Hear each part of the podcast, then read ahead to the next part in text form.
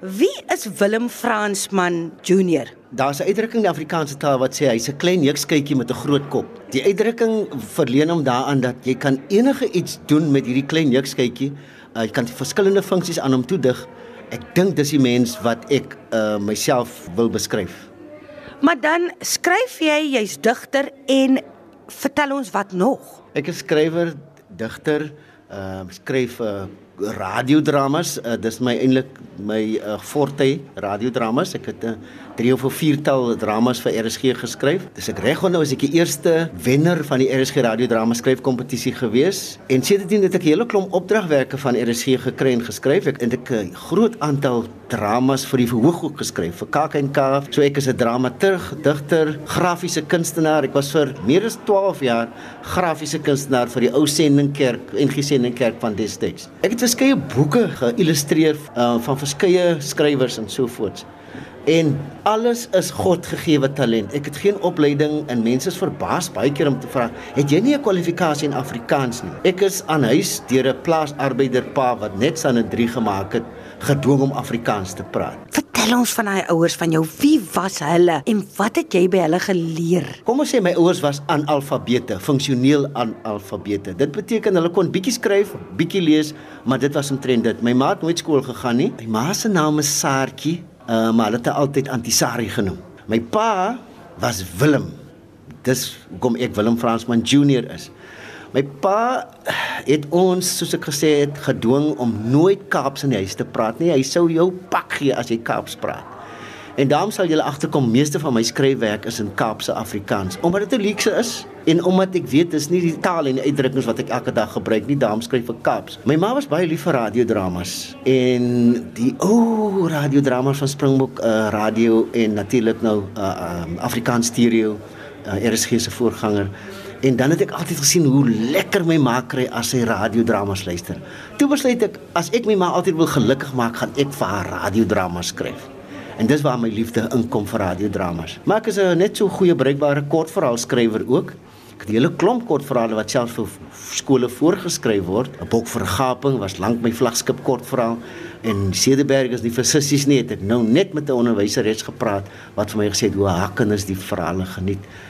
So my twee ouers Pa en ma was plaasarbeiders, maar hulle was mense met integriteit want hulle het jou geleer van waardes. My pa het toe ek maar 3 jaar oud was besluit hy gaan sy kinders stad toe vat want hulle moet geleerdheid kry.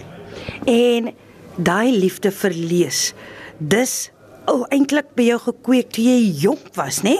Baie jonk. Toe ons nou in die stad kom, my pa alhoewel hy 'n 3 gehad het op skool en lyk my staan 'n 3 was 'n magiese tyd vir skool. Jy kon dan goed lees en goed tel en dit was omtrent wat nodig was. My pa het ons elke oggend toe ek begin toe ek nou kon sterk loop hier van 6 7 jaar oud af het my pa vir ons winkel toe gestuur om 'n koerant te gaan koop 'n uh, die burger en as jy die geskiedenis ken sou was daar die laaste uitgawe wat gewoonlik deur wit lesers gekoop was en die metro of die ekstra burger my pa het ons pak slag gegee as jy met die ekstra burger by die huis aangekom het nou moet jy terugstap om 'n laaste uitgawe te gaan koop. Hy het altyd gesê hy wil nie die gemors lees wat vir brein mense opgedis word nie, hy wil regte nuus lees wat vir wit mense opgedis is. Daai was my pa. Maar hy het ons ook geleer om te lees. Vroeg vroeg dag al. Jy moes voor begin by die voorblad en agter deur werk na die sportblaaie toe. En as hy vir jou vang, eers die sport en dan voor. Wat sou jy met jou wil saamvat in die toekoms in Willem? Jy het eendag vir my gesê dis vir my so interessant. Kom ons begin gou daar. Jy het op 'n kol vir my gesê jy het 6 lewens. Hoe het jy dit gestel? 6 lewens in een Ek het 6 lewens wat ek in een lewe ingeprop het om want almal al die mense sien jou gewoonlik net vir die mens wat jy voor hom is. Maar soos ek gesê het, ek is 'n grafiese kunstenaar, ek is 'n pa, ek is 'n oupa, ek is 'n atleet, ek is 'n rugby speler, ek het ook provinsiale kleur in atletiek. Daar's horde goedes wat ek gelyktydig doen. Maar dan het ek ook gehoor jy het al 2 keer by die dood omgedraai. Kan ons gesels daaroor Willem? Ja, ek praat altyd oor, oor daai twee keer wat ek by die dood was asof ek in die hemel gekom het, nuwe talente gaan gryp het en weer teruggekom het. Maar ek met my, my eerste poging het my duodenum geba uh, nee, my tweede keer het my duodenum gebars. Die eerste keer was ek as 'n Peter gewees, uh, tuberkulose in die ergste graad opgedoen in my ma het ge, die die kerkmense laat kom om vir my laaste uh, rite soort van op gebed te doen en toe het ek wonderbaarlik herstel en 'n volwassene geword. En die tweede keer was natuurlik toe my duodenum gebars het en ek uh in die, laaste fase was net voor ek sou doodgaan. En ook daar het my fiksheid as atleet my deurgetrek. So ek glo elke keer as ek amper dood was, was ek gou in die hemel toegelaat en talente gegryp en weer teruggekom. Wat leer jy nou vir jou kinders? Dat jy vasberade moet wees, dat jy doelstellings vir jou moet daar stel en jy moet vir jou doelstellings gaan. Niks het maklik in my skoot geval nie. Alles was ingebore talent en waarmee ek moes woeker sodat ander dit kan raak sien. Niks is maklik in die lewe nie en daarom moet jy hard werk om dit te bereik. Ek het vir 'n klip gesit. Klein genoeg sodat ek dit kan dra. Ek het vir 'n klip gesoek, swaar genoeg sodat niemand dit kan steel. Ek het vir 'n gladde klip gesoek moet genoeg spys. Kan ons nog 'n ou radiodramatjie uit jou pen uit verwag vir RSG? Weet jy, ek werk al die laaste 3, 4 jaar aan 'n stuk. Maar ek het by daai punt gekom, ek sal my drama voorlê, maar ek skryf nie meer vir kompetisies in nie. Kyk, ek is oor 60 en ek wil met niemand kompeteer nie. Ek wil net 'n eenvoudige Willem Fransman Junior wees, maar ek sal dit skryf sonder dat ek dit vir 'n kompetisie inskryf. Wat van so 'n lusmakertjie van een van jou gedigte, net so stukkie.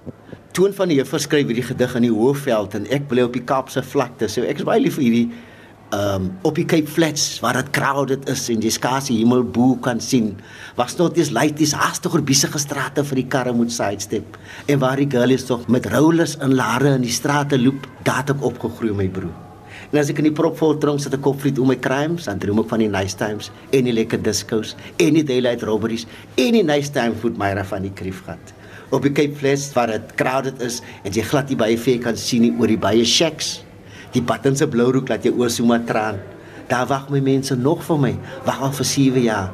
Maar as ek verlange na my family steekwood en ek hoor die kaats se sleutels ras. Dan wys ek so kos by my laaitjie gewees om hom te hond, die liewe soos myne en dan soek ek in my mind al die kere op waar ek skief getrap het as 'n lady.